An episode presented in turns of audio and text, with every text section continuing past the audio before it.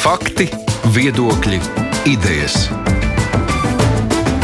Raidījums Kruspunkta ar izpratni par būtisko. Aizsmeļamies Tamsānas studijā. Mums šodien būs iespēja, es runāju vēl cerības formā, iz, iz, izvaicāt premjerministru Krišāna Kariņa. Mums ceturtdienas ir, kā zināms, amatpersonu stundas, kad klausītājiem žurnālistiem iespējams uzdot jautājumus kādai no augstākajām amatpersonām. Esam aicinājuši ministru prezidentu Krišānu Kariņu. Cik saprotu, viņš skrien šobrīd uz raģionu, gan jau es ceru, ka nepārāk aizelsies atnāks šeit uz studiju. Nu, Galu galā valdība šajās dienās piedzīvo, kā mēs redzam, zinām, turbulenci, nu, kā to ir nodēvējis valsts prezidents.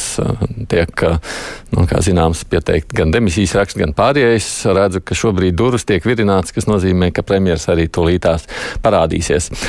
Nešaubos jau, ka mums būs ko jautāt premjerministram, jo es šo sarunu savukārt tikai moderēju. Pamatā jau jautātāji mums šeit ir citi. No žurnālistiem šoreiz sarunā piedalīsies un tiešām klātienē. Pēc ilgākiem laikiem beidzot arī man kolēģi šeit ir klātienē. Inga Šņora no Latvijas televīzijas de facto raidījums. Sveiki, Inga! Labdien! Un savukārt no ziņa aģentūras Leta kolēģis uh, ir Krišs Kairs. Sveiks! Jā, jā. Nu, un klausītāja jautājums savukārt pāradresējuši es. Tātad sūtiet tos premjeram caur Latvijas radio viens mājaslapu. Tur var nosūtīt ziņu raidījumam krustpunktā. Nu, cik nu laiks ļaus, es tos nolasīšu. Man ir jāatzīst, vienmēr jautājumu vairāk nekā es paspēju tos nolasīt. Bet nu, mūsu rīcībā ir gandrīz stunda, un Kariņš kungs ir paspējis laicīgi arī ierasties studijā. Sveicināti! Sveicināti! Labdien. Nešaubos, ka jums darba netrūks. Bet piedodiet, es neļaušu jums attēlsties uzreiz un sākšu arī ar pirmiem jautājumiem. Tā tas arī veidojās uzreiz. Droši vien tikai iesākot to sarunu, pirmais jautājums no manas puses. Um, no tā Vitsenberga kunga demisijas prasība bija tikai politiski motivēta, tomēr, vai tur bija apakšā citi racionālāki argumenti, nu, proti, nu, gaidījāt kvalitatīvāku ministra darbu? Eh, šajā gadījumā tā ir uh, atbilde publiskam uh, ultimātam. Uh, vienam partnerim pret otru.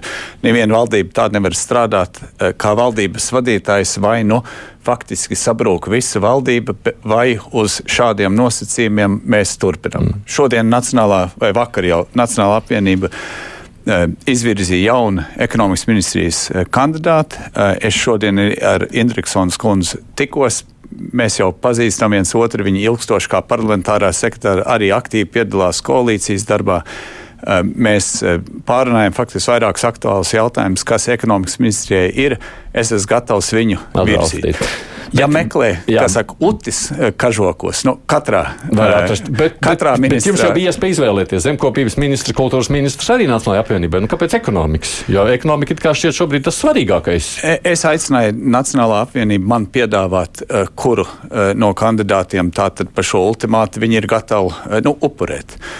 Un Nacionālā apvienība man neatbildēja, tātad es balst, balstījos uz tādu elementāru principu, kurš visnesenāk ir pienācis. Ir arī pirmais, kas mm, jauniņais skaidrs, okay. kolēģi. Bet tās upurēšanas jēga tad ir izvairīties no līdzīgiem gadījumiem nākotnē, un jūs rēķinaties, ka vēl līdz šīs valdības beigām tad teorētiski tas varētu atkārtoties, vai tur bija vēl kāds cits mērķis?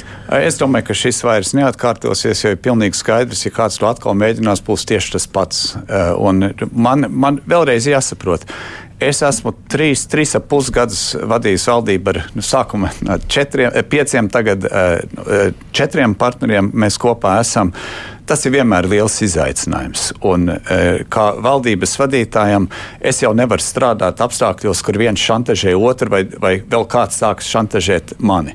Tātad vai nu mēs vienojamies uz vienlīdzīgiem principiem strādāt, vai vispār nav nekādas sadarbības. Un tas, ko es esmu darījis trīs pus gadus, ir ne tikai saturējis valdību kopā un koalīciju kopā, bet arī mēs esam īstenojuši faktiski mērķiecīgu veselu programmu, kur beigās katrs jau uzskaitīs tos izdarītos tos darbus, bet tur daudz kas tiešām ir padarīts. Eh, mans mērķis ir turpināt, un īpaši šādos apstākļos es uzskatu, ka tas ir bezatbildīgi ļaut valdībai vienkārši sabrukt. Vispār man liekas, šis bija diezgan bezatbildīgi vispār šādā veidā rīkoties. Bet vai tur nebija nekāda pamata tomēr runāt par Golubovas kundzes demisiju. Protams, no. tā demisija, tā demisija tāpat tās būtu no manis pieprasīta, no, bet uh, normālais veids, kā notiek uh, politika, ir, uh, kā varētu teikt, zvans, uh, ziņa. Man uh, politiskā partija, politiskā partija tā arī bija neskaitāmas reizes, kad redz, ka ir reāla problēma, kas mums ir jārisina. Tad, kad sāk risināt šīs lietas publiskā telpā, eh, tas rod eh, neiespējamu situāciju. Tad, kad kamēr tas viss notiek tiešā sarunā, var vienmēr atrast. Tas, ja Raivis Dzintas būtu jums zvanījis un teicis, mēs gribam, lai Golubevs demisija tiek pieprasīta, jūs būtu teicis jā un noticis āmen apmēram tā. Eh, jūs īso versiju izsakat, bet faktiski nu tas no ir arī tas, kas būtu noticis. Okay. Bet līdz brīdim, kad viņi iznāca publiskajā telpā ar šo paziņojumu, tad jums ne nekādas sarunas ar Nacionālo apvienību nebija? E, nē, man nebija ar viņiem, un viņi nekādu brīdinājumu man par to nedeva. Un sarunas ar Golubevs kundzi vai Arti Pabriku, kurš viņu aizstāja konkrētajās dienās, jums bija, un tad viņi turējās visiem spēkiem pret, un tad tā vienošanās bija uh, nedēļa laika, tad visu izvērtēt, un otrdien bija paredzēts skatīt, arī tiks skatīts valdībā šis ziņojums, un tad tas būtu tas atskaits posms. Nu, respektīvi, cik tad mums ilgi gaidīt, kad viņi paši nodemisionē? Uh, vēlreiz notikumi ir bijuši, kādi viņi ir bijuši. E, to var ķidāt, un, un vēsturnieki un žurnālisti e, to ķidā un ķidās. E, man ir svarīgi noturēt valdību īpaši laikos, kad ir Ukrainā notiek Krievijas uzbrukuma karš. Mums ir virkni izaicinājumu, kas pēdējais, kas mums ir vajadzīgs, ir nestabila vai nespējīga valdība. Šajā procesā mums arī vēl notiek vēlēšanas diezgan drīz, cik ir pieci mēneši vai, Jā, vai apmēram palikuši. Eh, te es prognozēju, ka eh, no šodienas līdz vēlēšanām šādi gadījumi, es domāju, nebūs, bet būs visādi mēģinājumi, kur katrs politiskais spēks mēģinās uz cita partnera rēķina parādīt, cik uh, ir uh, labs. labs un cik otrs nav. Un tas būs traucējoši, bet uh, es darīšu visu, lai ar, to, ar tām situācijām arī nākotnē tik galā. Šobrīd šis, kā es esmu piedāvājis, Nacionālā apvienība tam ir piekritusi, viņi virza jauno kandidātu. Es gaidu un ceru, ka, uh, ka attīstība par nekavēsies un arī tikpat strauji izvirzīs kandidātu. Kriš. Jā, nu par uh, koalīcijas darbu turpinājumu. Viss tāds sajūta tagad ar uh, izvilktām pistolēm viens uz otru nostājušies. Uh, jūs jau minējāt, ka būs sarežģīti. Mums droši vien turpinājumā jāpieņem svarīgi valstiski lēmumi arī. Uh, vai jūs neredzat, ka tas varētu nu, ietekmēt šie procesi, visu to valdības turpmāko darbu un būtībā, vai mēs beigās nevaram, piemēram, nu, tādā nopietnā enerģētiskā krīzē ieslīgt, piemēram, tāpēc, ka valdība nevar sastrādāties? E, nē, un tā ironija ir tā, ka aiz slēgtām durvīm viss ir mierīgi visi konstruktīvi runā par lietu, nepārmet viens otram neko, iziet publiskā telpā. Viss sākās. Un faktiski tas ir tieši pretēji, kā varētu domāt, nu, ka publiskā telpā, nu, saka, visi kaut kā nogludina asumus, bet aizkadrā notiek stīvēšanās. Mums ir izaicinājumi. Mums ir izaicinājumi ar Ukraiņas bēgļiem. Mums ir izaicinājumi nodrošināt mūsu, teiksim, vai, vai NATO kopējās pozīcijas vai aizsardzības pozīcijas austrumu flangā flangā Baltijas nostiprināšanu. Eh, mums ir izaicinājums, kā mēs paši eh, konsekventi tagad vēl stiprināsim savas aizsardzības un iekšietas spējas. Eh, šie ir īstie izaicinājumi, ar kuriem mums ir jātiek galā. Pārējais viss ir troksnis, bet es, protams, būdams politiķis, es esmu spiests strādāt, varētu teikt, pēc būtības un arī pēc tā, kā tas šķiet. Bet par troksni runājot, nu, pieņemam, Mojārs raksta šādi mums. Ministra prezidenta Kariņš nezina, kas ir 9. mājas, Golbeva nezināja, kas ir 9. mājas, bet abi atļāvās aizbēgt no Latvijas, nu, un tad pabriks tikai plāta rokām, jo nesaprot, kāda notikums tur ir saistās valsts drošība UTT garavēs. Var vēlreiz atgādināt, ka jebkur uh, ministra darbā ir ļoti daudz atbildības vienlaiks. Iekšliet ministram faktiski 9. Uh, un 10. maijā pēc tam uh, bija uh, jābūt Latvijā. Latvijā.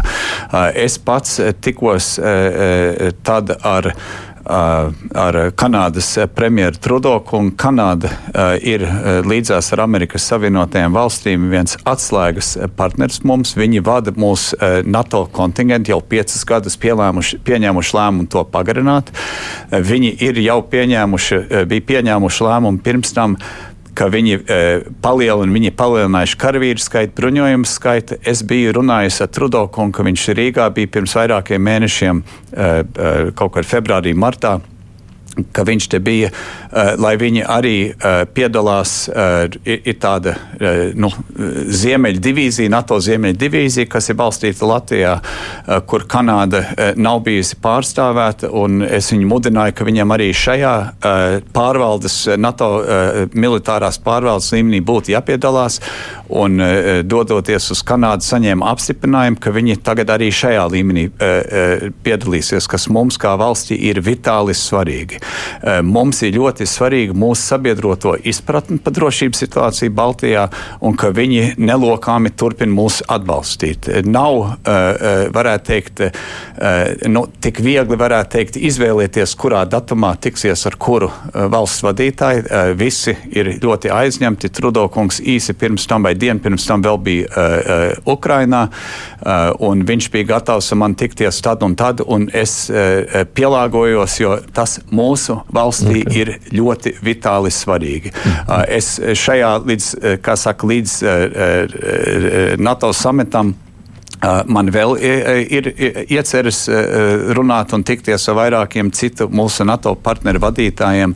Tie datumi visu laiku mainās, jo visiem grafiki ir aizņemti. Nu, protams, par to gan es, es ne, ne man tur ir jātaisnējās, gluži pretēji varētu prasīt, kāpēc tad netiekās. Ir jātiekās. Inga. Vēl mazliet atgriežoties pie ekonomikas ministra, Aidis prasīja, vai tur tiešām nebija vēl kādi citi iemesli. Es pavaicāšu citādi ministrs savu darbu ir noslēdzis. Kā jūs vērtējat, kā viņš strādāja? Vai ņemot vērā, cik ļoti svarīga ir šī enerģētikas joma, pirms tam Covid joma un atbalsts uzņēmējiem? Un es tomēr gribētu, lai jūs novērtējat Vitenberga kā ministra darbu. Paldies, tas ir leģitīms jautājums, arī saprotams. Par Vitsenbergu Jāni eh, es teiktu sekojoši, ja man būtu jāmeklē eh, nu, nepilnības. Eh, manā vērtējumā viņš pārāk varbūt pakļāvās uzņēmēju lobby interesēm. Tas ļoti parādījās īpaši Covid laikā, kur mums aizvien, diemžēl, ļoti daudz uzņēmēju uzņēmumi, kuri ir, saka, uzsēdušies uz atbalsta adatas, un to tik vien sagaida, ka nu, Viņi saka, jādod atbalsts, un ekonomikas ministrija tūlīt steidz sniegt atbalstu, varbūt ne līdz galam izvērtējot, kā tas būtu vispareizāk izdarāms. Tas atspoguļojas arī, ka mēs redzam, ka uzņēmēji lobby organizācijas labi izsakās. Protams, viņi labi izsakās, jo viņiem bija valdības loceklis, kas faktiski atskaņoja vienmēr viņu viedokli. Eh, manuprāt, eh, tas nav gluži pareizi. Ministram ir jāvada nozara, nevis nozarei jāvada ministru. Un, eh, teiksim, ja, ja vērtēja, tas būtu tur tas vērtējums, bet kas attiecās uz energokrīzi, uz to, kas tagad ir. Tur jāsaka, ka uh, eh, Vitsenberga kungs uh, ir aktīvi iesaistījies visā procesā. Viņš arī bija Savienotajās valstīs, tiekoties ar potenciāliem investoriem, uh, kas varētu investēt uh, Latvijas uh, terminālī. Viņš aktīvi ticies gan ar Lietuvas, gan ar Igaunijas, Somijas pārstāvjiem par uh, sašķinātiem gāzes termināliem, uh, kas tur ir. Uh, viņš aktīvi ir strādājis, lai uh, veicinātu mūsu energo neatkarību. Tātad es, es uh, nu, kā, vai, kā varētu teikt, tur, kur ir strādāts, tas ir atzīts un cepur nost. Eh, svarīgi, ka Indriksons kundze turpina šo virzienu. Eh, tas mums valstī ļoti svarīgi. Un tad es varētu cerēt, ka nākamā ministra varbūt netik ļoti pilnībā pakļautos individuālajiem, teiksim, lobby interesēm un tomēr skatītos ar drusku plašāku skatu un mūsu ekonomiku kopumā, jo bieži tie, kuri ir visskaļākie, nav varbūt pat vairākums. Viņi vienkārši ir visskaļākie. Tas arī ir svarīgi. Ja, ja tikai drīkst to politiku piedodiet, nu, nobeigsim te vairāk vienkārši jautāt to pašu, bet ko tad tieši Pabriks darīja? Kā viņš aizstāja Golobevu īpašajās dienās? Kā tad jūs vērtējat, ko, kāpēc klusums ir par viņu? Tā. E, nu, uh, Pabrika kungs arī šobrīd uh, viņš ir, uh, viņam ir, uz, viņš ir uzņemas iekšlietu ministrs vai ministra atbildību. Tas nozīmē, ka viņš ir politiķis, kurš šobrīd atbild par to, vai ministrija dara vai nedara to, kas viņai jādara. Nu, ka jāpieņem Jā. lēmums darīt, nedarīt, viņš ir šobrīd atbildīgais iekšliet ministrs. Un kas attiecas uz to, kas bija 9. un 10. maijā, manuprāt, pat nav tik daudz tas, vai ministrs bija vai nebija valstī. Bet, ja mēs paskatāmies, un tas, ko es arī redzēju publiskā telpā, ko ministrs saka, es nedzirdēju nevienā uh, teikumā atvainošanos uh, par, par notikušo. Es nedzirdēju nevienā teikumā, bija jābūt citādi. Es nedzirdēju nevienā teikumā, ka tas ir nepieņemami. Par ministriem runājot par Pavliku un Golubēvu? Es, es runāju par Golubēvs kundzi, par, par, par ministru. Viņi, tas, ka viņi bija komandējumā, ne, ne, nemaina to, ka viņi joprojām bija iekšliet ministri. No tā iekšliet ministra es nedzirdēju tos skaidros un stingros vārdus, kas bija jāsadzird, ka tā nedrīkst uzvesties uh, pret valsts interesēm uh, cilvēki, un ka tie, kuri to dara, viņi atbildēs ar visu, kā varētu teikt, likuma bardzību. Šajā, šajos apstākļos ir ļoti svarīgi, ka mūsu valsts iedzīvotājs saprot, ka valsts varai ir arī spēks un tas spēks ir jāizrāda pret tiem, kas e, e, cīnīsies faktiski pret mūsu valsts, pret mūsu vērtībām. Tas ir tas, ko Golovēvs kundze nedarīja. Tas ir tas galvenais iemesls, kāpēc viņa, mm -hmm. viņas demisija likumsakarīga, un es to būtu prasījis jebkurā gadījumā. Tātad, un tas, ka vēl līdz šai dienai vēl tiek mēģināts novelt vainu uz citiem, parāda, cik tas ir nepiemērota rīcība, jo ministrs. Un katram ministram jā, jāsaprot, ka viņš vai viņa uzņemas atbildību par notikušo. Tas, ka tur kāds varbūt komandas ķēdē trešā posmā nav izdarījis savu, ministrs jau nevarēja tā vietā izdarīt. Bet tad no ministra reakcijas ir, vai nu tas ir tā bijis kļūda, kas ir jālabo, tiks sūtīts, tiks mainīts, izdarīsim, kas jau, es domāju, būtu nomierinājis sabiedrību un nomierinājis mani. Bet tā vietā es dzirdēju, ka visi citi vainīgi, tikai ne attiecīgais ministrs. Un tas nav jebkurā valstī, īpaši mūsu valstī, labi. Tas ir nepieņemami apstākļos, ka mūsu kaimiņos ir karš un mums ir zināmi saspīlējumi sabiedrībā sabiedrībā, kas ir bijuši nu, 30 gadu garumā. Es varbūt paturpinot šo tēmu, ir skaidrs, ka tie saspīlējumi nebeigsies ne šodien, ne rīt, ne parīt, un varbūt pat gluži otrādi cilvēki vairāk aizies tajos radikālajos virzienos, jo vieniem liksies, ka viņi nepareizi drēbes valkā, nepareizās krāsās karogus izskar, otriem liksies, nu, ka šeit ir valstī absolūti nelojāli cilvēki, un tas radīs tādu spiedienu, vai jums ir prasības, kādam tad ir jābūt jaunajam iekšlietu ministram, lai mums tad nav katru mēnesi varbūt jāmaina iekšlietu ministrs, un vai attīstība pāri ir pārunājusi ar jums kādus poten potenciālos kandidātus? E, e, nē, apvienība ar mani vēl nav runājusi. Es saprotu, ka viņiem notiek iekšējais process. E, iekšējā procesā nu, tur ir attīstības puse, tur ir para puse. No malas izskatās, ka viņi visi vien, bet laikam kam iekšienē tu, tur nu, ir kā ir. E, gan jau viņi savā procesā tiks galā, un tad e, man arī uzrunās, e, ka būs attiecīgais kandidāts. Cerams, tas būs drīz. Vislabāk, ja tas jau būtu šodien, tajā pašā dienā, kad Nacionālā apvienība izvirza. Nu, faktiski viņa jau vakar, vakar, vakar izvirzīja. Bet nākamajam ministra kandidātam man ir svarīgi tas, ka tam cilvēkam ir skaidrs, varētu teikt, kas ir svarīgi aizstāvēt mazākumu no mazākuma vai aizstāvēt valsts vairākumu un likuma intereses. Ja cilvēks skaidri šo izprot, es domāju, ka e, tiks ar e, visām situācijām galā. Jā, nu, ja mēs mainām tēmu, beidzot uh, saprotam, mēs drīkstam to darīt, aizvirzīties pie ekonomikas. Uh, Lietuvas parlaments uh, šajā nedēļā aptuveni miljardu eiro plāno atvēlēt, nu, tā teikt, paziņojuši, ka plāno atvēlēt pasākumiem inflācijas mazināšanai. Mēs jau šķiet uh, trīs mēnešus dzirdam uh, runas par šo mērķēto atbalstu, bet tā arī beig beigās nav skaidrs, kad būs un kam būs. Jo nu, cilvēkiem tiešām es pieļauju, ka ir grūti šobrīd, un tikai grūtāk vēl paliks arī turpinājumā, neskatoties vispār to, kas rudenī notiks. Bet nu, tas tiešām jau cits stāsts, var teikt. Jā.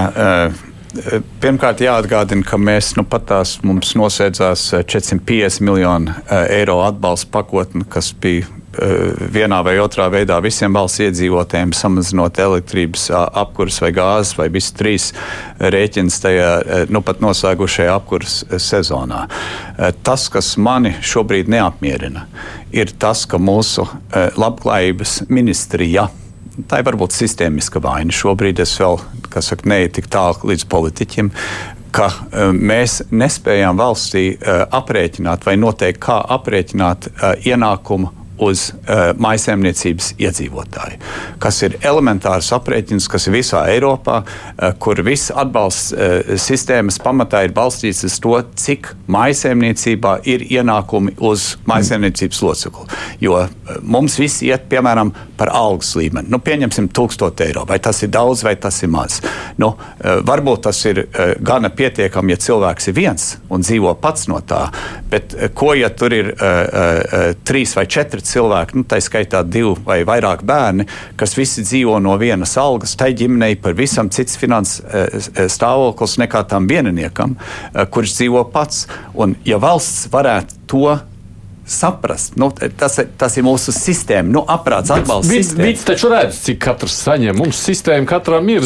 Mums, tur jau tā lieta, ka Es esmu pārliecināts, ka mums ir tik daudz visādi reģistri, kā mēs tiekam uzskaitīti. Bet labklājības ministrijai ir jābūt pirmkārt tai gribai, un otrkārt piedāvātam mehānismam, kā mēs to varētu darīt. Un, ja šis ir tas, tas liekas, un man arī tas ir, ir, ir nesaprotami kā var tik elementāru lietu nespēt iedzīvināt, ka visā pārējā Eiropā to iedzīvina. Nu, mēs taču neesam īpaši tajā ziņā. Ko Labklājības ministrija ir, piedāvā, ir stiprināt vai balstīt pabalstus, nu, kā atvesinājumu no mājokļu pabalstu. Un mājokļu pabalstā tu, nu, tur pašvaldībām ir zinām, teiksim, nu, iedzīvotāji, kuriem ir. ir lielākas vajadzības pēc pabalsta. Bet šādos apstākļos mēs redzam, ka nu, teiksim, tā, tas iedzīvotājs skaits, kuri nonāk grūtībās, droši un ievērojami aug šobrīd. Jo cenu pieaugums, vispārējais nu, cenu pieaugums, pārtikai un, un tā tālāk, tad, tad tie paši 1000 eiro uh, ir uh, ar daudz mazāk pirktspēju nekā viņi bija pirms gada. Un uh, šeit es mudinu un skubinu, lai mēs virzītos tālāk uz priekšu, lai iedod beidz, beidzot to formulu. Un arī ir visādas atrunas, ka tas ir sarežģīti, bet es uzskatu, ka sarežģītums nedrīkst būt uh, šķērslis. Proti, tas man liekas nav pārāk prasīts no uh, cilvēka, lai saņemtu pabalstu. Varbūt pašam cilvēkam kaut kas ir jāiesniedz, vai jāaizpild, vai jādeklarē. Nu, man jāapliecina, ka mēs esam tur trīs cilvēki, kas dzīvo no manas algas un citādi. Jo to jau var pārbaudīt caur vidu un citām datubāzēm, vai es meloju vai ne. Un tas arī uh, iespējams to darīt daudz, daudz raitāku. Kā saka, iesaistīt nevis, ka visi tā automātiski, bet ka cilvēkam pašam būtu jāiesaistās. Bet mūsu sociālās palīdzības sistēma kā tāda ir pieradusi pie nemērķētiem pabalstiem. Gandrīz viss mūsu pabalstu sistēma vai palīdzības sistēma ir nemērķēta. Vai tās ir bērnu pusdienas, vai tā, nu, pilnīgi viss ir par pa to, ka vienkārši esi. Nevis šķirojot, vai tev ir lielākas vai mazākas vajadzības, bet vienkārši nu, par to, ka esi. Un tā mums ir gadiem ilgi. OECD visi analītiķi saka, ka tā ir šausmīgi neefektīva naudas izmantošana. Mēs dabūjam daudz mazāku efektu par daudz lielāku naudu. Un, Tā jau ir tā grūtība, ka šādos apstākļos, ka vajag, varētu teikt, konkrēts atbalsts uh, palielināts. Mums faktiski nav tāda sistēma, nav pat tāda domāšana. Un es pat atļaušos teikt, ka mūsu koalīcijā nav pat vienprātības, ka mērķēti pabalsti ir tas pareizais virziens. Tas ir mans uzstādījums, tas ir bijis jau tagad trīs ar pus gadus, ka tas ir virziens, kurā mums ir jāiet. Uh, un uh, ļoti grūti sistēmas stīvējās pretī, un ne visi partneri šķiet simtprocentīgi nu, tā līdz galam tam piekrīt. Nu, kā zināms, viens no tiem veidiem, ko te prasa, tas ir jautājums par PVN, un tas man liekas visu laiku regulāri parādījies, nu, kā tādā dienas kārtībā un pusē, bet, nu, jūs jau pats savulaik arī esat, un te man kolēģis ir no Rebaltika pētījuši to jautājumu, kas ir uz to PVN. Savulaik esat pats rosinājis. Jā, es, es PVN esmu, tas ir pirms uh, vairākiem Jā. gadiem, es nezinu, pieciem, astoņiem. Jā, uh, uh, es, protams, kopš tā laika esmu vairāk lasījis, galvenais vairāk runājis ar ekonomistiem, un es sapratu vienu lietu, ka uh, mūsu valstī tas jau vienreiz nesen mēģināts iepriekšējā valdībā Latvijas ražotiem dārziņiem un kas tur vēl tika samazināts PVN cenas mm -hmm. nemainījās, likums aizvien ir pazeminātas, valsts ieņēmumiem PVN ziņā ir mazākas, pie iedzīvotājiem nekad nebija atspaids cenās, jo tirgus jau nosaka cenas nevis PVN likuma vai nelikuma. Tātad tas kā mehā, mehānisms sniegt iedzīvotājiem palīdzību caur pārtiku, piemēram. Tas ir jau pierādījies, ka diemžēl viņš nedrojas. Un tie, kas saka, nu, teiksim, vajadzētu, nezinu, tur degvielai vai ko tādu, tad jau viņš iznāk eh, klajīgi regresīvs.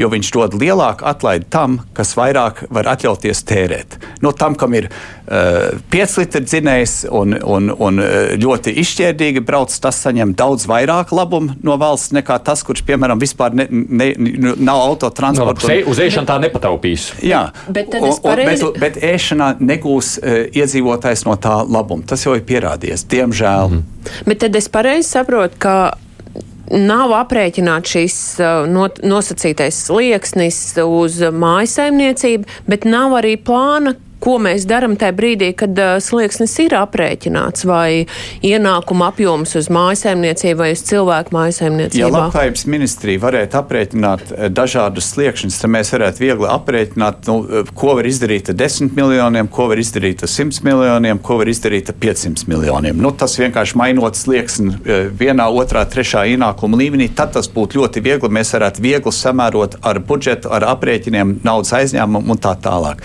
Tā grūtība man kā politiķim, valdības vadītājiem, neviens man tādu modeli nespēja piedāvāt. Man nav no kā izvēlēties. Un šādos apstākļos, kur nav no kā izvēlēties, tas iznāk ļoti grūta situācija, kā pēdējā eh, reizē nu, ar 450 miljoniem, kas ir milzīgs, milzīgs nauda, tā ir visa aizņemta nauda, kur mēs, eh, man tika stāstīts, ka tas samazinās energo cenu pieaugumu. Faktā uh, viņš samazināja uh, rēķinus, nevis tikai palielināja pieaugumu, viņš daudziem cilvēkiem samazināja rēķinus. Pretēji tam, kā mums to politiski stāstīja. Nu, es jau visu matemātiku aiz tā neredzēju. Un tagad uh, es esmu runājis un ticies atkal ar virkni ekonomistiem, Latvijas bankas pārstāvjiem, kur ir piedāvājuši modeli, kur mēs varētu citā veidā pieiet. Es šodien ar Indriksons kundzi ar potenciālo nākamo ekonomikas ministru šo runāju, uh, uh, kur uh, mēs varētu teiksim, cenu pieaugumu dalīt starp valsts, valsti un iedzīvotāju. Respektīvi, ja, ja virs zinām, teiksim, nu, megawatu stundu cena pieaugās elektrības vai apkurs rēķins, tad x procenti maksā iedzīvotājs un y procenti maksā valsts. Un tādā veidā tas pieaugums būtu, bet viņš būtu palēnināts. Un varētu vienā brīdī arī, piemēram, likt uh, absolūtos griestus, nezinu, nu, pie, pie 200 vai pie 3, nu, pie, pie kaut kādiem, uh, pie kaut kāda skaitla, un tad no tā uh, var arī matemātiski aprēķināt, cik tas potenciāli varētu maksāt valstī un cik tas potenciāli varētu maksāt uh, iedzīvotājiem. Bet šāds rīks uh, valsts aparātā līdz šim nav bijis. Uh, es faktiski viņu tagad manā birojā attīstu. Uh, ap, nu, saka, man, man ministrija nespēju piedāvāt, tad es pats no malas esmu to darījis. Tas, nu, kā varētu to vienkārši teikt, tas ir tie ļoti apgrūtinoši apstākļi. Mums ir milzīgs aparāts, un tas aparāts nespēja atbildēt vai piedāvāt variants uz šādām elementārām lietām ka man jau jāgriežas ārpusē, bet es to darīšu. Uh, un es strādāšu ar politiskiem partneriem. Es esmu pārliecināts, ka mēs vienā otrā, uh, vienu otru modeli uh, varēsim pieņemt. Iemesls, kāpēc mēs līdz šim neesam pieņēmuši nevienu variantu, ka mums nepiedāvā variantus, caur no kuriem izvēlēties. Bet uh, jums ir kāds grafiks, nu, cik ilgi tad gaidīt, jo nu, pienāks 1. oktobris, būs vēlēšanas, jūsu atbildība beigsies vai nebeigsies atkarībā uh, kā no, iz, novēlēs vēlētāji, bet nu, Cik ilgi mēs gaidām to ne, visu? Mums, mums tas ir, e, ir jāpieņem e, šajā uh, saimas laikā. Tas ir skaidrs. Mums ir nākamajai valdībai jāiedod jau gatavs izstrādāts rīks. Nākamā valdība būtu tiesība nu, tur kaut ko mainīt vai nemainīt, bet atstāt nākamā valdību bez šīs skaidrās izvēles, tas, manuprāt, būtu nepareizi un bezatbildīgi. No, jo oktobrī jau sākas apkurss sezona. Jā. jā, es uh, gribēju paprasīt nelielu tādu pretrunu šeit izveidojās. Jūs teicāt, tad, kad būs tas labklājības ministrijas mehānisms, mehānismus, tad uh, valdība varēs vienoties, bet tajā pašā laikā koalīcijā ir partneri, jūs nenosaucat konkrēti, uh, kur iebilst pret šo mērķēto atbalstu. Kā tad tur beigās sanāk? Ja būs mehānismi, tad būs atbalsts uzreiz? Nē, nē saprotiet man pareizi. Nav tā, ka klai iebilst. Es esmu vienkārši pārliecināts, ka nu, ieinteresētības trūkums. Tas ir, jā, liekas pareizi, bet nav līdz galam tā pārliecība. Un tā, mēs, tā, tā jau ir mūsu valsts, eh, tas ir izaicinājums. Mēs eh, gan šajā saimā, gan nākamajā saimā, es esmu pārliecināts, būs koalīcijas valdība, tātad dažādi spēki. Eh, mums, tātad, lai būtu dažādi koalīcijas spēki, ļoti svarīgi, ka mūsu valsts aparāts, mūsu ministrijas ir arī ir faktiski gana spējīgas piedāvāt variantus, no, lai politiķi varētu izvēlēties. Un šeit mums ir izaicinājums secinājums, ka tajos aprēķinātājos, nu, aparātā uh, nav līdz galam izstrādāti uh, nu, uh, teiksim, dažādi modeļi dažādiem politiķiem. Bet tas, kas ir tas jauninājums, ko mēs jau esam visu Covid laiku faktiski ņēmušies, kad mēs esam visu laiku uzstādījuši, ka jābūt mērķētam atbalstam. Mēs nevaram atļauties vienkārši iedot visiem, bet mūsu valsts pārvaldes pieeja nu, 30 gadu garumā ir bijusi nemērķēts pabalsts. Tas ir taču vienkārši, tas ir ātri, bet ātrums un vienkāršums nav pamatvērtība, jo tā ir visa mūsu nodokļu maksātāja nauda, par ko mēs runājam. Bet es neuzdodu un neuzdošu. Uh, es strādāšu līdz tam, ka būs rezultāts, ka mēs varēsim piedāvāt vienu modeli, kas ir labāks par iepriekšējo, kas vienkārši nu, vairāk vai mazāk deva visiem. Protams, tur bija arī mērķētas uh, uh sadaļas, piemēram, pensionāriem 20 eiro mēnesī. Tas bija mērķēts pabalsts konkrētai iedzīvotāji grupai. Bet tad, kad uh, devu uh, pabalstu par bērniem, tas bija mērķēts tik tālu, tas attiecās uz visiem bērnu vecākiem, bet viņš bija nemērķēts tādā ziņā, ka viņš iedeva uh, gan ģimenēm, nu. kur ir 1000 eiro uz, uz uh, ģimenes locekļu ienākumi, un gan tiem, kam ir 50 eiro uz ģimenes locekļu ienākumiem. Un tas nav pareizi. Mums būtu jākoncentrē nauda tām ģimenēm, kurām tā ir tiešām vajadzība, atsakoties tiešā veidā subsidēt tās ģimenes, kuras faktiski var atļauties. Atgādījums šeit ir ministrs prezidents Krišāns Kariņš, man kolēģi Krišs Kairs no Latvijas un Inkšņora no Latvijas televīzijas. Raidījums Krustpunktā. Pabīdīšu tālāk tematiku, man tomēr uz enerģētiku atpakaļ. Man ir divi jautājumi, droši vien no mūsu klausītāja puses, un tad, kolēģi, jūs varēsiet arī turpināt. Tas pirmais, varbūt es iesākšu tomēr skatoties no tādas maisaimniecības puses, ko te klausītāji mums viena no klausītājiem raksta, sakot, lai šobrīd pāriet no dabasgāzes savā individuālajā apkurē. Tas izmaksās vismaz 10 tūkstoši. Viņi neredz, kā to varēs atļauties, un viņi vispār nesaprot, kā to varēs atļauties Latvijas iedzīvotāji, ja valsts tur nenāks talkā.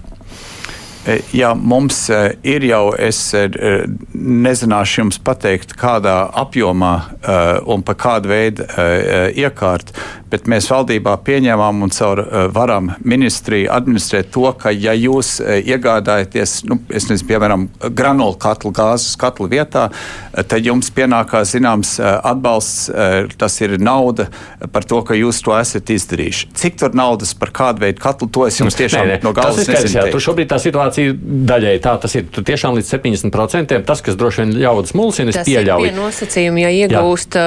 Uh, jaunu siltuma efektivitāti. Ja tev jau ir efektīvs, tad tur var arī nesanākt. Nu, gāze nebūs. Gāze nu, nebūs. Ja gāze no gāzes pārējot uz citu apkursu katlu, tur iemaksā. Bet tur ir tā problēma laikam ir tāda, ka tajā brīdī, pieņemsim, tu gribi uzstādīt siltumsūkni, tev jāpaņem ir pašam kredīts. Un tad jācer, ka atbildīs prasībām un ka atdos to naudu daļu. Tātad līdz 7%. Un viens cilvēks saka, jā, bet tur jau, ap, kamēr es izdarīšu, kamēr es īstenošu projektu, varbūt tā valsts nauda jau tur būs beigusies, un es mums neatdos, un tad es to kredītu nevarēšu samaksāt, un cilvēki nu, iesprūst. Es to, es to izprotu. Viens ir, es, es tam noskaidrošu, es parunāšu ar Pleškungu, kā tas mehānisms ir, piemēram, vai var saņemt pirms uzstādīšanas pozitīvu atzinumu. Un, ja nevar saņemt tādu atzinumu, tad tā atkal tā ir. Eh, tad es varu vienkārši teikt, eh, kārtējā reize, eh, ka mēs valdībā pieņemam nu, kas mums liekas ļoti vienkārši un elementārs lēmums, un kāds, varētu teikt, barības ķēdē to atkal ir samudžinājis. Es vēlreiz runāšu ar Pleškungu, un es vēlreiz lūkšu viņam tad precizēt vai ierosināt maiņas, jo, ja šī nauda netiek izmantota, tā nauda ir domāta, tie, kas, tie, kas uzdrošinās riskēt, kuriem ir nauda, lai viņš var paņemt kredītu bankā, tie jau izmantos to piešķirto naudu, bet ne visi to var, un ne visiem arī laikam banka aizdod šobrīd naudu, lai varētu mainīt. Tas ir pilnībā iespējams. Un, un droši katrā situācijā vai katrā maisaimniecībā ir cita situācija, gan ar teiksim, ar, ar, ar, ar apkursu veidu, ar, ar, ar iespējām vienam teiksim, dūmenis ir, otram tāda dūmeņa Ar, nav. Jā. Es pieņemu, ka tur var būt ļoti dažādi apstākļi. Jebkurā gadījumā tas atbalsts ir domāts tā, ka mūsu valstī kopumā līdz nākamajai apkursu sezonai būtu mazāk mājasēmniecību, kur ir atkarīgi no importētās gāzes nekā šajā sezonā. Un tas, ka varbūt ir arī ļoti grūti izveidot vienu atbalsta mehānismu, kas droši atbilst pilnīgi nu, jebkurai e, e, situācijai. Mm -hmm. To es nespēju tā uzreiz uh, atbildēt. Okay. Bet te jāskatās, un es arī es runāšu ar Pleškungu, cik aktīvi šobrīd piesakās. Ja aktīvi šobrīd nepiesakās, es neticu, ka tas ir pieprasījuma trūkuma dēļ. Tad tas ir uh, iespējams uh, mehānismu izveidas uh, trūkuma dēļ. Un, ja tur ir nepieciešams, vienreiz mēs jau valdībā piekuraģējam, ja ir nepieciešams, vēlreiz piekuraģēsim. Labi, Krišs. Man liekas, diezgan interesants jautājums par uh, gāzes nogriešanu un dabasgāzes polijai un Bulgārijai. Tas jau ir izdarīts. Uh, vai Latvija būtu gatava tādam solim pamosties, uh, piemēram, no rīta Krievija nogriezus gāzi turpmākām piegādēm? Vai mums ir tāds rīcības plāns? Nu, es saprotu, ir tās papildu iepirktās uh, rezerves, bet uh, kopumā kāda varētu būt situācija šādā gadījumā? Jā, tātad pirmkārt mēs jau esam tajā situācijā. Mums šobrīd, ja nemaldos, uh, neimportē. Plūst Starp citu, jā, uh, caur koneksus mājaslapu skatoties, šobrīd plūst gāze. À, plūst Latviju, gāze. Jā, es jā. nezinu, kādos apjomos. Mazākos apjomos, bet plūst. Jā. Bet mums ir valdībā, mēs jau, šis viss izmodulēts arī, varētu teikt, visdrūmākā situācijā. Bet šobrīd mēs jau esam pieņēmuši lēmumu, ka Latvija Energo, kā valsts kapitāla sabiedrība, iegādāsies, ja nemaldos, tās ir divas lielās kuģu kravas caur Klaipēdas ostu vai, vai pat vai vairāk tur bija eh, viena, bija, lai nodrošinātu, ka mums ir dabas gāze, uh, kas pietiktu gadījumā, ja mūs atslēdz no Krievijas elektrosistēmas. Tas nozīmē vienkārši būtu jādarbina mūsu tecis vairāk stundu arī neefektīvā režīmā, teiksim, vasaras sezonā, kad nevar siltumu lāgi izmantot. Un tad mēs vēl otrreiz pieņēmām lēmumu, ka vēl papildus. Un šie divi lēmumi nodrošina to, ka droši līdz gada beigām mums ir jau gāze vai viņi šobrīd zem zem zemes, vai viņa ir plānota uh, iegādāties, uh, un tā nauda ir rezervēta caur klaipēdas sašķinātā dabasgāzes terminālu. Tad, jautājums, kas notiek pēc jaunā gada? Nu, tad tur ir, ir vairāki faktori. Viens, vai mēs, vai, vai, vai rudens un ziema būs ļoti augsts vai netik augsts, jo tas janvārs, tas ir, nu, tas ir tā aptuveni. Viņš jau varētu tikpat labi iet līdz martam, tas pats daudzums, jo tur ir ļoti atkarīgi ārējie laikapstākļi, bet, bet dzīvot to aizturēt elpu, vai būs silti vai augsts, vai pietiks vai nepietiks gāzes, mēs tā nedzīvojam. Tātad paralēli mūsu ekonomikas ministrija strādā Igaunija un Somija, kuri esot vienojušies par vēl otru sašķināto dabasgāzes terminālu. Tas būtu peldošs kuģis, kas pietāvētos paldiskos, ka mēs arī caur paldiskiem varētu saņemt gāzi. Pie tā arī strādā. Un man vēl šodien nāka ziņa, ka iespējams ir parādījušās papildus iespējas iegādāties vēl vairāk gāzes caur Klaipēdas terminālu, un arī šajā virzienā mēs skatīsimies. Tātad mēs jau esam liela daļa no šogad mēs esam nodrošinājušies, un kas attiecās uz nākamo ziemu, nu, uz ziemas augstāko, augstāko posmu, mēs darām visu, lai nodrošinātos caur vēl neesošu terminālu Igaunijā, Lietuvā, eh, Igaunijā, eh, Somijā, eh, vai arī, kā izrādās, iespējams ir vēl papildus iespēja caur esošo Lietuvas terminālu. Un mēs to turpināsim darīt. Tātad mums, man liekas, tas jautājums nav tas, vai Latvijā būs dabasgāzes nākam, nākamā sezonā, bet par kādu cenu viņi būs pieejama. Un, tur ir, ir daudz, daudz nezināmo, un tāpēc tas rīks, kas tiek tagad attīstīts, lai aprēķinātu teiksim, iespējamos teiksim, cenu griestus vai kaut kādu dalītos griestus starp valdību un iedzīvotājiem, kāpēc tas tiek iekustināts, jo mums ir ļoti grūti prognozēt, kādas būs tās dabas gāzes cenas, kas nāks caur šiem termināliem, jo tas ir no visas pasaules tirgus un no Krievijas kara Ukrainā atkarīgs. To mēs mhm. nevaram zināt. Tātad izskatās šobrīd, ka produkts mums būs bet izaicinājums, kādu cenu tas produkts būs pieejams mūsu maisaimniecībā. Bet arī, ja paldiski netiek uh, mm, uzbūvēti, tad tik un tā maisaimniecībām, kur šobrīd nodrošina Latvijas gāze, ne tikai Latvijas energo, kas nodrošina siltumu, uh, arī ir gāze. Jums ir pārliecība, ka 1. janvārī un arī 23. decembrī būs maisaimniecībām arī gāze, ne tikai. Jā, jo nu, visos arī varētu teikt avārijas eh, režīmos, ja būtu jāiet uz kaut kādu taupību, tad pirmā prioritāte ir mājasēmniecības. Tātad mājasēmniecībām visām, eh, visos variantos ir dabas gāze. Tā grūtība ir, kad eh, avārijas situācijā tā būtu mūsu industrija. Līdzīgi kā jebkur Eiropā, tā būtu industrija, kur ciest, un tam būtu nu, tūlītējs negatīvs efekts ekonomikā, jo nu, tie, tās ir darbvietas un tā tālāk. Tad, tad tie varianti arī visi ir aprēķināti. Bet mēs Un, un visi zina, kā rīkoties. Ja Latvijas gāzē nebūtu gāzes, tad Latvijas energo pārņem to funkciju. Nu, tāpēc arī viņi iepērk papildus gāzi. Viss tiek darīts. Eh, mēs šobrīd nevaram uh, kontrolēt. Tas ir mēs zinām, mēs esam iekšā sarunās, kad Igaunija un Somija uh, ir vienojušās tagad, tagad tikai jāatrod. Tur nav nekas daudz jāizbūvē, tur ir jāatrod un jānoīrē, jāiznomā peldošais kuģis, kas visu šo procesu veids. Un uh, cauruļu vadi, kas tur jāizbūvē tikai uh, ostas teritorijā, tur pāris kilometri, un tās caurules vēl jau viņiem esot kā pārpalikums no iepriekšējā projekta. Ja es drīkstu mazliet vēl šeit um, oponēt, uh, peldošo kuģu skaits šobrīd ir ierobežots, un zinot, ka visā Eiropā varētu būt šī gāzes problēma, nu vai nebūs tā, kamēr mēs taisīsimies, visi peldošie kuģi būs norezervēti, vai mums ir pārliecība, ka būs iespēja tikt pie šī uh, kuģa, kurš varēs pietavoties paldiskos un apgādāt Baltiju kaut kādā mērā ar gāzi? Mums, mēs nevaram neprognozēt kara attīstības gaitu, un mēs nevaram arī šodien līdz galam zināt, ka ne tikai ka viņi vienojušies, to mēs zinām, bet tagad šīs vienošanās rezultāts, kas spēs nofraktēt e, šo kuģi. Bet ir, protams, ticības, ka tas varēs notikt. Es esmu sapratis, ka ir jau konkrētas sarunas notiek, un vēlreiz drīzāk tas būs par cenu, par kādu cenu šādu kuģi varēs dabūt, un tas ietekmēs to, pa kādu cenu tā gāze būs pieejama. Tā tad vēlreiz man viss šobrīd norāda ne uz to, ka mums pietrūks gāzes. Viss norāda uz to, ka mums būs šī gāze. Bet jautājums ir par kādu cenu, un tāpēc es jau tagad esmu iekustinājis to aprēķinu rīku, kādā veidā mēs varētu skatīties un pie kādiem nosacījumiem uh, daļēji subsidēt teiksim, gāzes pieaugumu mūsu iedzīvotājiem citādi, kā mēs to darījām šajā sezonā, kas bija ļoti dārgs veids, ar varbūt ne to efektivitāti, kuru mēs meklējām, bet mums ir jāatrod viens rīks un jāattīst eh, tādu, kas ir eh, valsts eh, un valsts makam panesāms. Labi. Te savukārt par iespējamo skultis to termināli Kaminskungs prasa, bet tomēr vai valsts strateģiskiem objektiem nav jābūt valsts kontrolē? Kāpēc tomēr to nevar būvēt pārvaldīt valsts?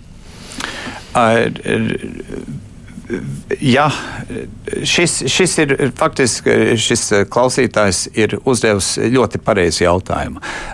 Kuros gadījumos infrastruktūrai būtu jāpiedara valstī un kuros gadījumos pietiek ar to, ka tas ir privāts operators un valsts tikai, nu, saka, izmanto viņa, viņa pakalpojumus.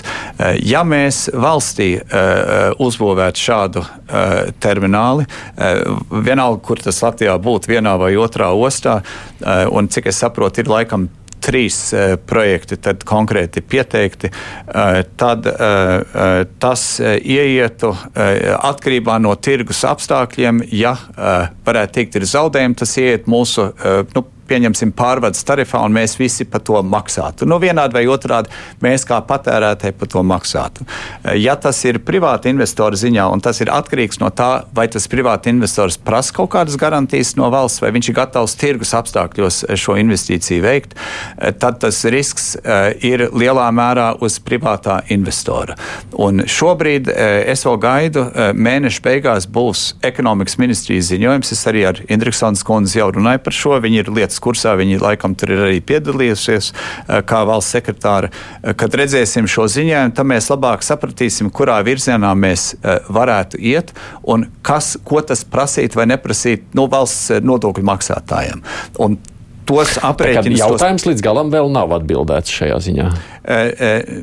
Nu, viņš, viņš ir atbildēts tik tālu, ka, ja privātais investors ir gatavs investēt uz valstī izdevīgiem nosacījumiem, bez garantijām, bez, bez kaut kādām prasībām noteikti, pieņemsim, apjomu garantēt. Jā, tad, tad mums ir izdevīgi, ka tas privātais jā, jā. investors veic šo investīciju. Jā. Bet, ja nu kas, tad tas valsts iespējamais iegādes jautājums joprojām paliek aktuāls.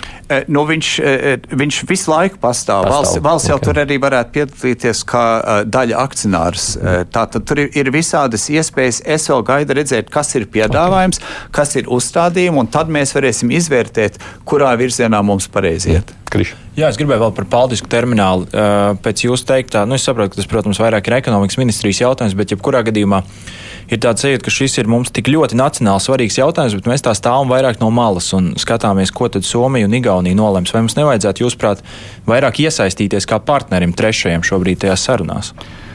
Uh, vēlreiz viņš virzās uz priekšu. Igaunijā un Somijā, jo viņiem jau ir izbūvēts uh, savienojums starp abām valstīm, kur ir jau gāzes pārsūkņošanas stacijas tieši ostā. Varētu teikt, viņiem ir tīkls izbūvēts pie ostas, un pie tā tīkla ļoti viegli pieslēgties. Tāpēc viņš notiek kaimiņos.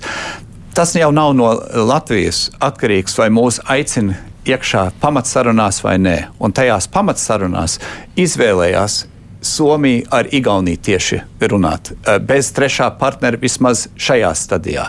Mēs esam klāt, mēs esam piedāvājuši, ka mēs gribam, un mēs arī aktīvi tur sarunās esam, bet mums šobrīd nav, eh, kā saka, šie divi, kas to projektu virza, un viņi to virza, jo tas ir viņu teritorijā, viņu ostās, Tad, saka, tās sūkņu stacijas tur jau ir izbūvētas. Uh, mēs jau tur darām visu, lai, uh, nu, saka, lai būtu daļa vai lai nodrošinātu, ka mēs varēsim arī caur turieni gāzi iegādāties. Un mums ir ļoti liela priekšrocība. Un tas, tā priekšrocība saucās Inčukalna pazemes gāzes krātu Koneksus, ka uh, visos variantos gan Klaipēda izmanto Koneksus pakalpojums, gan šāds termināls Igaunijā vai Somijā, eh, faktiski nav kurā līdz pusē viņš ir, arī izmantos Koneksus eh, pakalpojumus. Un mēs, kā saka, varam arī padarīt to piekļuvu mūsu terminālu, mūsu krātuvei grūtākus, ja mums neļauj arī iegādāties gāzi. Tad es esmu pārliecināts, līdzīgi kā mēs esam atraduši ļoti vieglu kopīgu valodu ar lietuviešiem kuri izmanto mūsu krātuvi, bet mēs arī izmantojam viņu terminālu. Kad līdzīgi mēs varēsim atrast bez grūtībām šādu kopīgu valodu ar Igauniju un uh, Somiju. Vienīgais jautājums ir, kad būs šis termināls un pa kādu cenu uh, būs šis pakalpojums. Es, ja drīkstētu, es mazliet jau aizlikšu uz priekšu nākamajā Nā, tēmā. Un, uh, valsts prezidents ir rosinājis uh, sarīkot valdības izbraukumu sēdi Latgalē. Jūsuprāt, vai valdībai nevajadzētu arī kādu ne, izbraukumu sēdi arī Bolderājā, Vecmilgrāvī, Mešciemā? Nu, mazliet pārnestā nozīmē, bet jūs sapratāt droši vien, ko es vaicāju. Jā, es sapratu. Uh, nu, valsts prezidenta, es, es viņu to pārunāju uh, vakar, tas laikam bija. Uh, tā doma jau ir pareiza. Mēs uh, pirms Covid uh, mēs šādas rīkojam pēdējā izbraukuma sēde bija uh, vidzemē.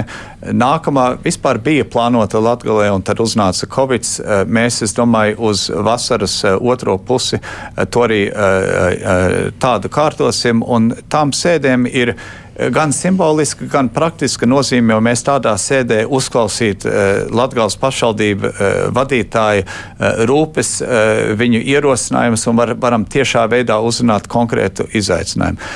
Tas, par ko jūs runājat, ja es pareizi jūs sapratu, tas ir vairāk teiksim, tādas sabiedrības integrācijas un vispār, kas mēs pa valsts tādi esam. Un viena valdības sēde, teiksim, nu, ja mēs varam reģionāli satikties un uzrunāt reģionālus jautājumus, tad ir jautājums, kādā veidā un ar kādu atdevi mēs kā valdība, piemēram, ar konkrētu sēdi varam uzrunāt sasāpējušas jautājums, kas mums ilgs 30 gadus, faktiski jau 80 gadus, 50 okupācijas un 30 pēcokupācijas vai 31 pēcokupācijas gadu. Šis, ja, ja būtu tāds viegli, ja, tā, tā, tā, tā burbuļnojiņa, kas to visu atrisināt, tas būtu skaisti, bet es, es vēroju vienu lietu no aptaujām. Uh, un tas ir labākais, kas man ir tādā plašākā ieskatā, kas nav tikai subjektīvs, ka uh, karam uzsākoties no uh, ne Latvijas, tātad krieviski runājošiem iedzīvotājiem, kaut kur piektā daļa, 20-21% atbalstīja Putinu, drusku vairāk atbalstīja uh, Zelenski vai Ukrainu, uh, un liela daļa tur bija, uh, nu, ka nezināja, nu, vai nu negribēja atbildēt, vai, vai nezināja, vai kā. Tātad drusku vairāk atbalstīja Ukrainu kā Krieviju šajā karā. Pēdējās aptaujās, kas ir nu, tagad laikam pirms trim Eh, nedēļām, laikam tas pats SKDS šo veica, eh, ka šis skaitlis 20 ir sarucis līdz 13. Ja to pārtulko, tas ir apmēram 5% no mūsu valsts kopīgo iedzīvotāju skaita. Ja es paskatos eh, kaut vai Kanādu, vai Vāciju, vai Franciju, visās valstīs vienmēr ir apmēram 5%, reizēm pat drusku vairāk, kuri ir dziļi neapmierināti ar, ar valsti kā tādu, nu, dažādu iemeslu dēļ. Un, ja mums ir runa faktiski par 5% mūsu valsts iedzīvotājiem, ar to mēs varam tikt galā. Un kas mums ir jāsaprot, ka tas ir mazākums no mazākuma. Uh, tas galvenais ir, ka mēs neļaujamies, ka mēs nebaidāmies no tā, un ka mēs turpinām sevi kā valsts attīstīt ar paceltu galvu, kā saka, ar pilnām krūtīm, un iet soli solim uh, uh, uz priekšu. Mēs izglītības sistēmu pilnveidosim tā, kā visas mācības būs tikai valsts valodā, tas ir izlemts. Uh, mēs stiprināsim savas aizsardzības spējas. Mēs jau uh, šonadēļ pieņēmām vairāk kā 50 miljonus šogad vēl aizsardzības ministrijai no savu attīstības vajadzībām, konkrēti identificētām. Uh, tas viss iet uz priekšu. Mēs atbalstam un atbalstīsim Somijas, Zviedrijas pievienošanās NATO. Mēs aicinām NATO stiprināt sevi šeit. Mēs nedrīkstam baidīties. Tas, ka mūsu valstī ir Un droši vien arī uz priekšu būs cilvēki, kuri Ta, viens saka, nelojāls, ne, ne otrs varētu teikt, galīgi nesaprotošs, trešais varētu teikt, naidīgs. Eh, tas ir fakts. Bet tas ir tikai mazums no mūsu sabiedrības. Mums vairākumam nav no tā jābaidās. Mums jāiet mierīgi uz priekšu. Bet jums ir kāds, kas to situāciju monitorē, kas regulāri atskaitās, un gal galā nu, tam visam nav jēgas, ja nenotiek strateģiskā komunikācija vai notiek šāda veida strateģiskā komunikācija, šādas e, uzrunāšanas. Jā, uzrunāšanas notiek no visām malām par, par, par uzraudzīšanu. No, tur nu gan uh, mums ir ļoti spējīgi, kompetenti dienesti. Man regulāri uh, nāk no viņiem uh, ļoti kvalitatīva informācija. Uh, varētu teikt, uh, viss tiek uh, uzraudzīts. Un, un tā, nav, nav tā, ka, ka tur kāds kaut ko nezinātu. Mums jābeidz, kolēģi. Es jums vairāk nevaru dot jautājumu. Man, protams, arī palika ļoti daudz jautājumu. Tādā īsi par tikšanos runājot, tie, tās NVO, kas strādā ar atbalstu sniegšanu Ukraiņas cilvēkiem, ļoti gribētu ar jums tikties. Viņiem te ir kaudze ar problēmām. Viņi saka, ka daļa no bēgļiem tomēr tomēr ir nu, jautājums par viņu palīdzēšanu grūts. Viņi... Ja es nemaldos, tas eh, jau ir ieplānots. Es laiku okay. nezinu teikt. Nu, labi. Cerams, uz to arī viss. Saku jums paldies. Mums ir vienkārši jābeidz laiks. Ēteram ātri strauji tojies beigām. Ministra prezidents Krišāns Kariņš bija šeit, kurspunktā studijā. Paldies, ka atnācāt. Paldies jums. Paldies, protams, arī kolēģiem, kas atrada iespēju atnākt Televīzijas Latvijas radio vienas studijai. Krišs Kairs no ziņa aģentūras Leta un Inkšņor no Latvijas televīzijas raidījuma de facto. Bet kurspunktā šodien līdz ar to izskan. Atgādina raidījums var klausīties gan atkārtojumos, gan dažādās aplikācijas formās. Producenti Junāms, studijā bija Aizsaids Tomsons. Latvijas radio jauna lietotne, ziņas, mūzika, 200 dažādu raidījumu un visu Latvijas radio kanālu tiešraides. Radi pats savu radio. Veido savu raidījumu atskaņošanas sarakstu. Mēs tikai ieteiksim to, ko vērts nepalaist garām. Latvijas radio lietotni meklē App Store vai Google Play. Lejupielādē to savā telefonā un klausies Latvijas radio saturu savērtā laikā un vietā. Latvijas radio lietotne pieejama bez maksas un reklāmām. Latvijas radio veicina kritisko domāšanu un saturīgu brīvā laika pavadīšanu.